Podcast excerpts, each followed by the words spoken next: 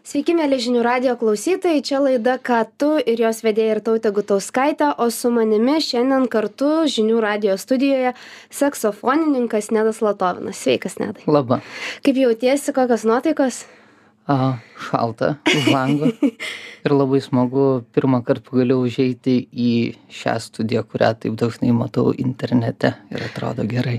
O, tai puiku, džiaugiuosi, kad, kad klausai, kad žiūri ir tai va, klausytojai, kaip ir nedas fanai.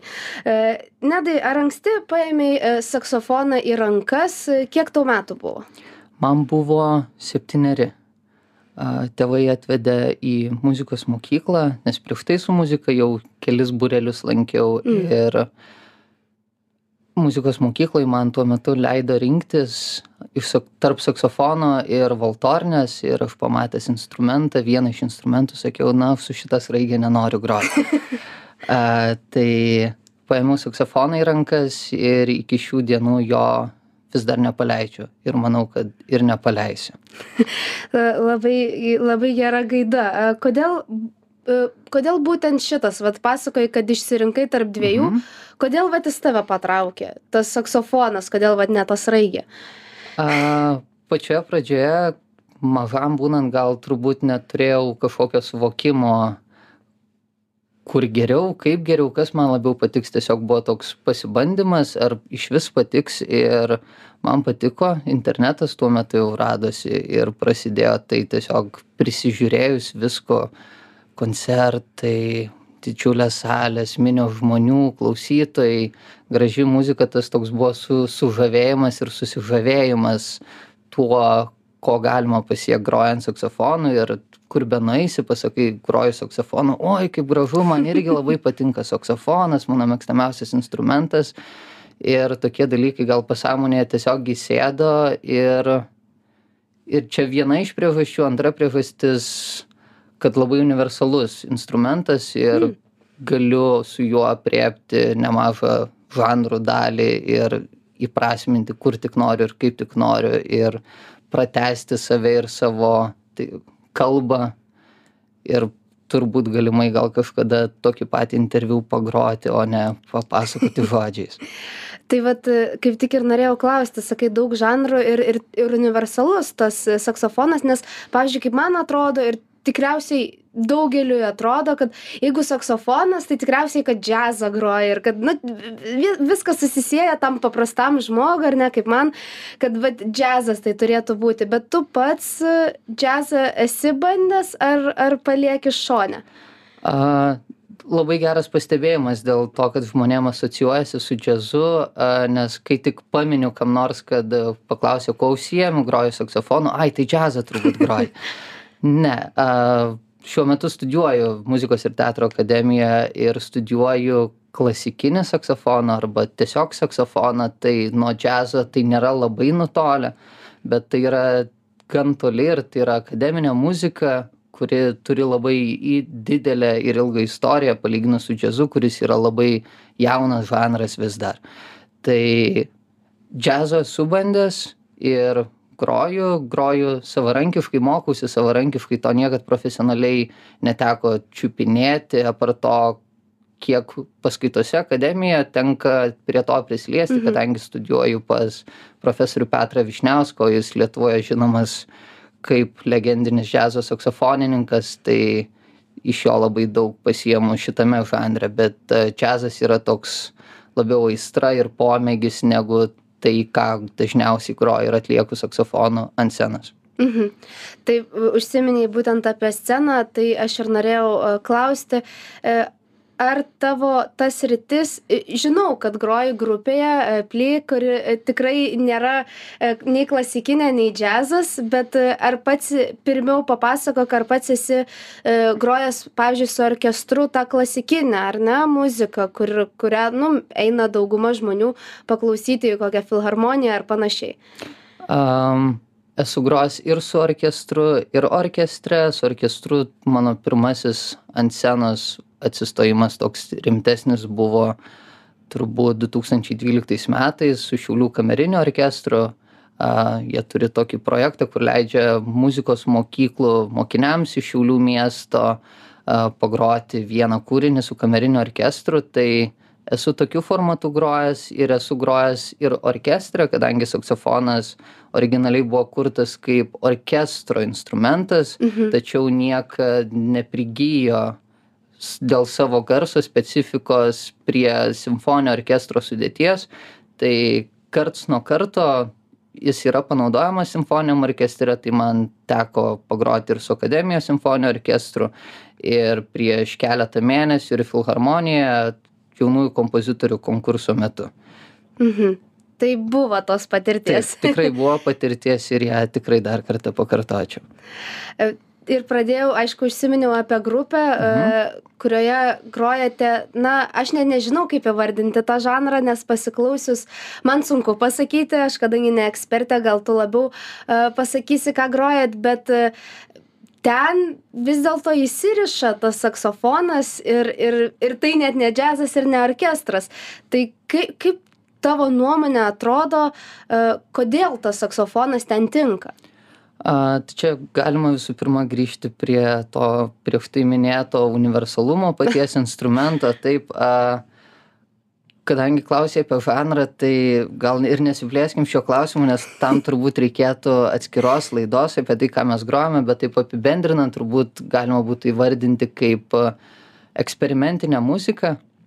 O saksofonas ten įsilieja deja bet retai savo natūraliu garsu kokį mes pažįstame. Labai naudojam daug elektronikos ir saksofonas yra perleidžiamas per kompiuterį ir procesuojamas ir tai ką jau klausytojas girdi galimai gali atpažinti kad skamba saksofonas vien dėl to kad stovi žmogus ant su saksofonu ant scenos ir o čia toks garsas ne gitaros turbūt bus saksofonas.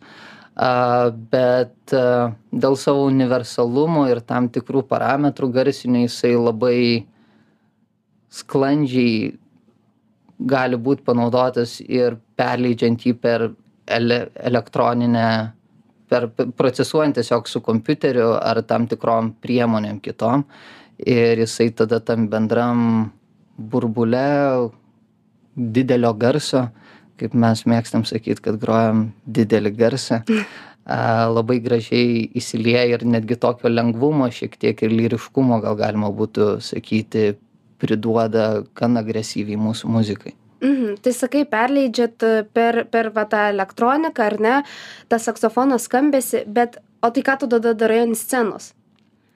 Groju su saksofonu. tai yra, kada saksofonas yra prijungtas prie kompiuterio mm. ir aš groju natūraliu garsu, bet uh, tai, kas skamba iš kolonėlių, yra visai jau kas kito negu tai, ką aš, iš, ką instrumentas atiduoda. Mm -hmm. Tai yra visa kita jau tampa elektronika. Tai va. E, dar norėčiau grįžti mhm. prie e, būtent ką ir paminėjai, kad mokaisi e, LMTA, tai Lietuvos muzikos ir teatro akademijoje, būtent saksofoną ir saky, kad ir nuo, nuo, nuo ankstyvo amžiaus paėmė tą saksofoną į rankas, tai tikriausiai ir lengva buvo pasirinkti studijas. Uh, taip ir ne taip dėl to nes taip labai natūraliai dėliojasi tas kelias baigiau muzikos mokyklą įstojau į sauliaus sondeckio menų gimnaziją dar kitiem žinoma kaip tiesiog konservatorija. A ten pratęsiau vėl grojimą saksofonu ir tas toks persilaužimas man atrodo kiek pamenu įvyko dešimtoje klasėje toks kur supratau kad aš tai noriu daryti ir toliau iki tol kol galėsiu tai daryti ir tada liko tiktais klausimas pasirinkimo kur studijuoti saksofoną kur toliau tęsti muzikos studijas.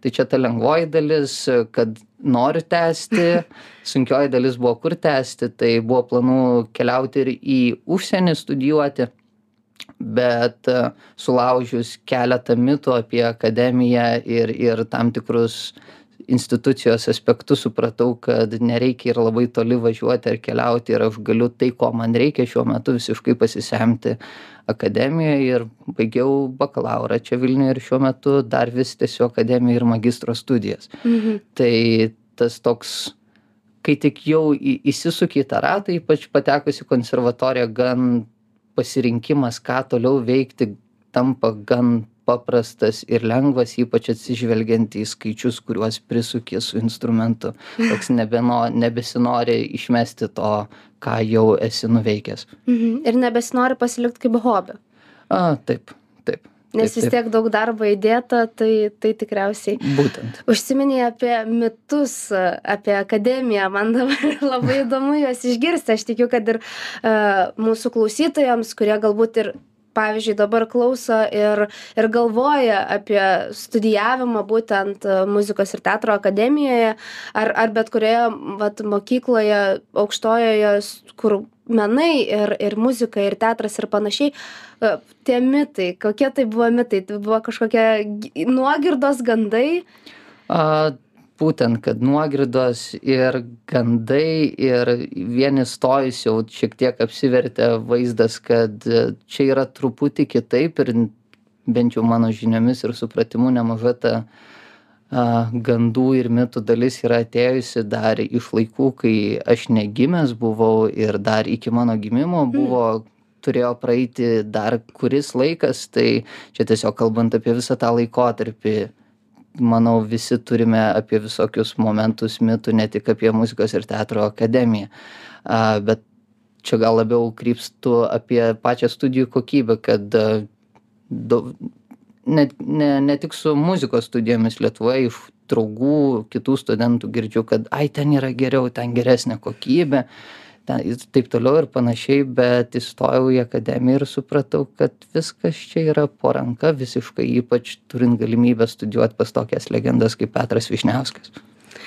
Tos legendos viską žodžiu užglaistė visus metus panaikino ir ir ir ir viskas buvo gerai bet šiuo metu e, gauni pajamas taip sakant ne tik iš grojimo e, saksofonu bet ir dirbi kitą darbą. Tai ką tu dirbi ir kaip ten papuolei um, daug kam sakau kai paklausiu kokia mano specialybė ta kita iš kurios uždirbu pinigus uh, angliškai skamba man bent jau gražiau tai yra ads performance specialist arba lietuviškai skaitmeninio marketingo specialistas.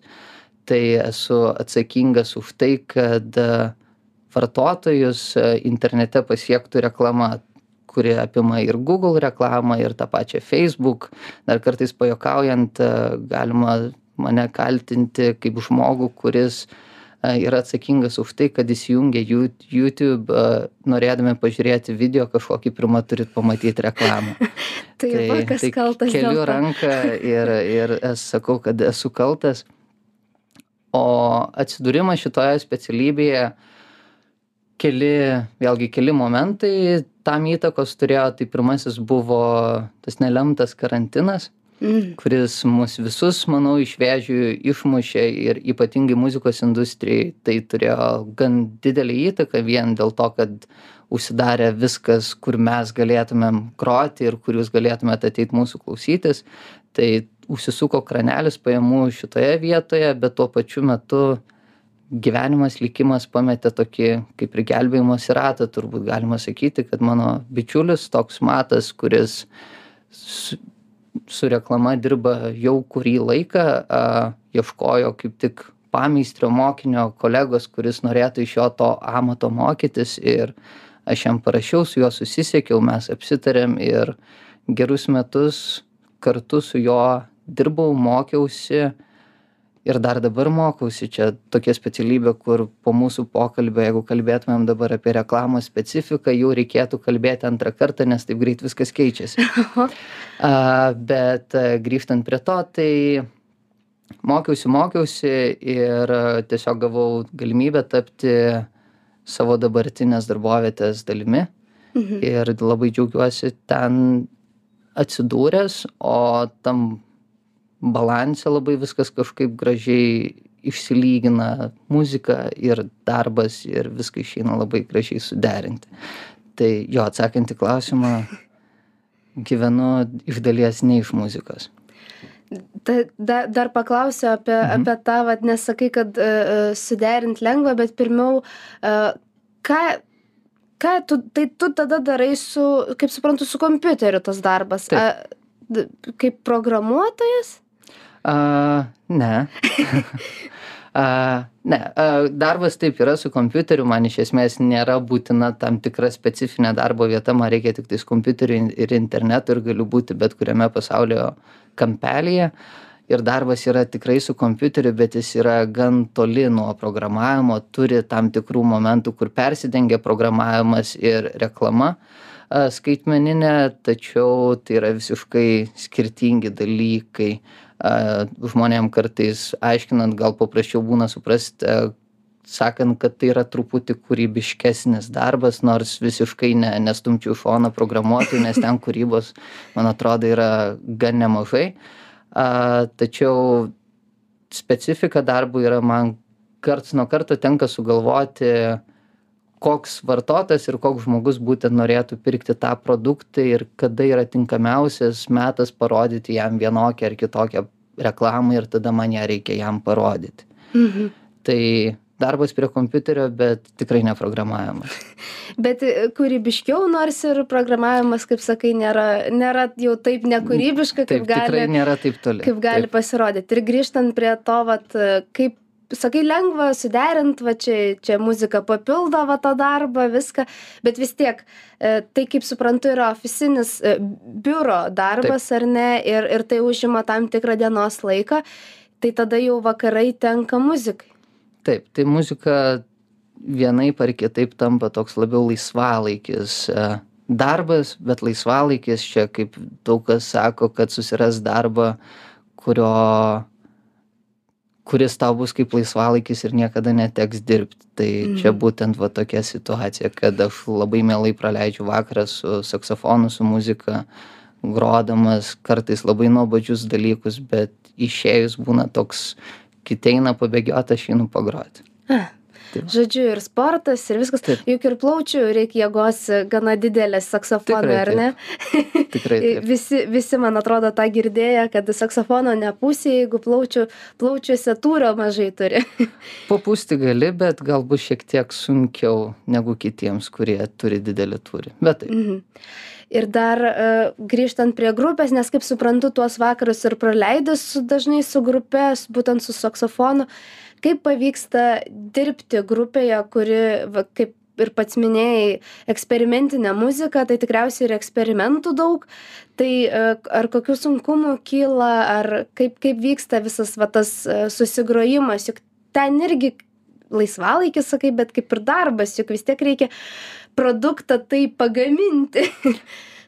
Um, čia ne per seniausiai kaip tik turėjom susirinkimą su grupe, mes esam šešiese, kas yra jau gan nemažas skaičių žmonių kaip muzikos grupiai, tai ir sprendimus kartais yra sunkiau su priimti, nes visu, visus juos priemame kartu, esam taip nusprendę. Ir čia kaip tik vienas iš, iš, iš grupės narių išreiškė, kad, išreiškė, kad uh, iš esmės grupė yra beveik kaip santykiai mes turim tam tas pačias problemas pykčių skyrybų draugysčių nepasitenkinimo kad kažkas namie kažkas neišplauna indų kažkas studijoje nesuvynioja laidų ir mm. nepalieka tvarkos tai labai labai taip kažkaip pajaučiau šitą sulyginimą ir iš esmės taip galima būtų ir lyginti kad santykiai ir ir grupė yra vienas ir tas pats tik dažniausiai grupėje būna daugiau žmonių ir tie sprendimai šiek tiek kitokie gal kartais nelemiantys tavo gyvenimo bet bet problematika gan panaši žodžiu pykstatės ir taikotės taip. kaip santykiuose bet taip. pavyksta susitaikyti tikrai viskas taip, gerai tikrai taip o kalbant apie eksperimentus tai dažniausiai tie eksperimentai būna su garsu su su pa pačiu garsu kurį žmogus girdi tai mes paimam tą patį mano įkalbėtą kažkokį įrašą ar ar kažką ką nugirdom ir mus sužavėjo ir tada tą patį padarom ką su saksofonu kartais tai panaikinam bet kokį atpažįstamumą to garso ir tada jau tampa šioks toks eksperimentas nes kaip ir garsas turėtų būt vienas bet ausis jį visiškai supranta kitaip ir jis atrodo ir skamba visiškai kitaip. Dar mes pratęsime tikrai e, pokalbį bet dabar e, trumpa pertraukėlė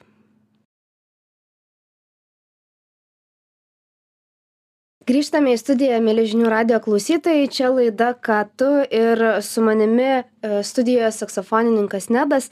Mes su juo apie daug ką jau pakal pakalbėjom ir apie apie darbus ir kitur ir su saksofonu rankose. Ir žodžiu aš man liko tiktais e, tokie e, kaip sakoma koncerto pabaigos klausimai. Egzistenciniai.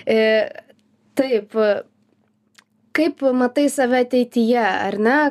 Ar bus ar bus tas vat nežinau galima pavadint multitaskinimu va tai ką tu dabar darai gyvenime nes tai yra ir ir darbas biure su su reklama su visiškai visiškai kita sfera.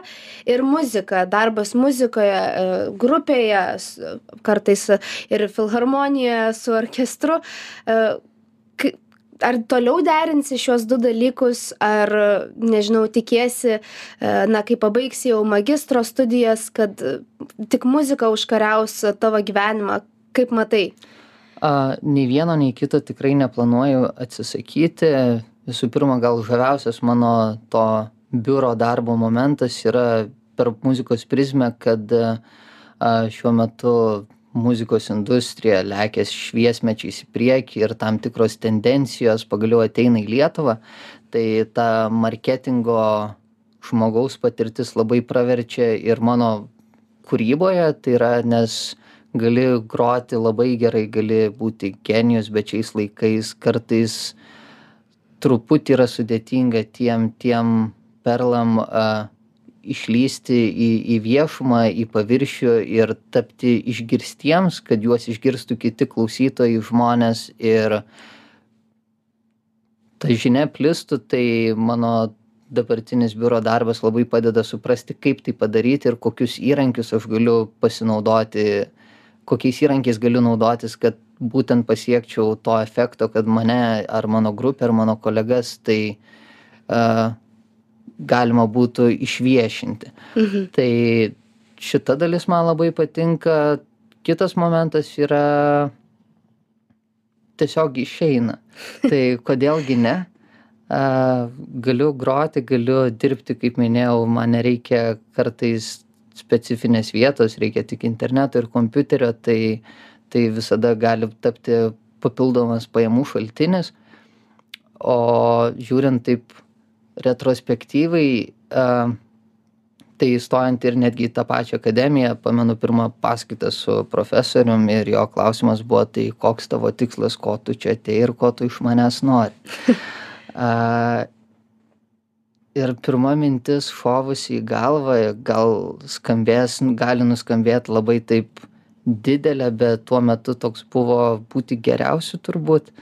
A, vien dėl to kad tuose pačiuose šiauliuose kai augau vienas dėstytojas taip pat priėjo sako nedai jeigu jau eisi į muziką tai būk geriausiu. Vidutiniokų niekam nereikės. Tai galutinis tikslas vis tiek yra stovėti ant tos kaip kas ją suvokia bet ant didžiosios scenos groti žmonėm pasakoti savo istoriją arba kitų istorijas per save perleisti ir papasakoti žmonėms. Tai vis tiek pagrindinis tikslas yra turėti saksofoną rankose ir su juo groti o visa kita kas nutinka aplinkui tegu nu nutinka natūraliai ir kažkokių kažkokio planavimo papildomo apart muzikos tokio labai griežto neturiu yra tam tikrų svajonių planų kur galėčiau būti jeigu būtų taip ar taip bet mhm. viskas vis tiek sukasi aplink muziką ir saksofoną dar e, norėjau paklaust nes vis tiek atrodo įtempta tavo darbo diena na nes ne vis tiek dirbi ir ir ten ir ten žodžiu. E, kada laikas pailsėti? Kada randi laiko laisvalaikiui ką veiki per tą laisvalaikį? Ar ar spėji atsipūsti? Um, atsipūsti tikrai spėju. Tam turiu savaitgalius ir pastaruoju metu ruošiuosi vienam konkursui tai tokį gan griežtą tvarkaraštį neretai susidedu kai turiu kažkokį labai svarbų dalyką apie kurį žinau kad turėsiu padaryti. Tai atsiranda tam tikras labai griežtas režimas kada kiek turiu miegoti kada turiu eiti miegoti ką turiu padaryti prieš ką turiu padaryti po. Tai to tokio laisvalaikio tam režime kaip ir teoriškai nelieka bet netgi einant vakare tiesiog groti būna tas groju nes reikia tai pagroti ir būna groju nu aš va dabar tiesiog noriu pagrot kažką ir čia būna toks vienas iš atsipalaidavimo dalykų. A kitas stengiuosi dažniausiai savaitgalius pasilikti sau. Am sportuoju. A nors vat kaip minėjau vieni eina bėgiot kiti eina grot saksofonu tai aš ir tą ir tą darau nes a muzika kaip bebūtų a norėjau sakyti gaila bet tikrai nėra gaila. Labai reikalauja ir ir psichologinių tam tikrų momentų ir vis tiek vargina tai tai bėgimas būna toks visiškai išsitaškymas ir visko pametimas ir bėgi vienas su savim su savo mintim išsivalai jas ir tada gali grįžt vėl į gyvenimą į ritmą. Am jo o laisvalaikiu dar ką tai mėgstu eit klausyt kaip kiti groja Man atrodo, kiek kalbinau muzikantų, tiek visi tą patį sako, kad reikia nueiti ir kitų paklausyti. Taip, būtinai. Ir, ir įdomu, ką jie veikia, ką, ką, ką jie naujo gali sukurti, ką jie naujo gali parodyti, bet ir tuo pačiu tai veikia kaip ir palaikymas kolegoms, draugams, muzikantams, nes Lietuvoje bendruomenė muzikų nėra labai labai didelė atsižvelgiant į šalį bet tai kad glaudžiai visi gyvenam ir vieni kitus jeigu nepažįstam tai esam kažkada matę prasilenkę ir vis tiek pasisveikinam tai tiesiog eini palaikyti savų taip tai aš ir tau ir ir klausytojams linkiu va tai vat arba pabėgioti arba pagroti saksofonu. Aišku nebūtina saksofonu galima kartais ir nervais pagroti. E, visaip būna bet žodžiu e, bandykime su susidėlioti savo gyvenimus e, taip kad kad liktų laiko ir rimtiems darbams ir mažiau rimtiems darbams ir ir laisvalaikiui. Tai ačiū tau nedai kad tu atvykai į žinių radijo studiją ir pasidalinai savo ačiū kad pakvietei. savo gyvenimu savo savo e, mintimis ir e, ačiū visiems žinių radijo klausytojams, kurie klausė laidos. Jeigu tik dabar įsijungėte radiją ir nespėjote išgirsti, kas čia buvo ir apie ką mes čia kalbėjom, tai visada galėsite perklausyti laidos žinių radijo svetainėje ir kiek vėliau YouTube platformoje, o aš linkiu e, gerą vakarą ir iki.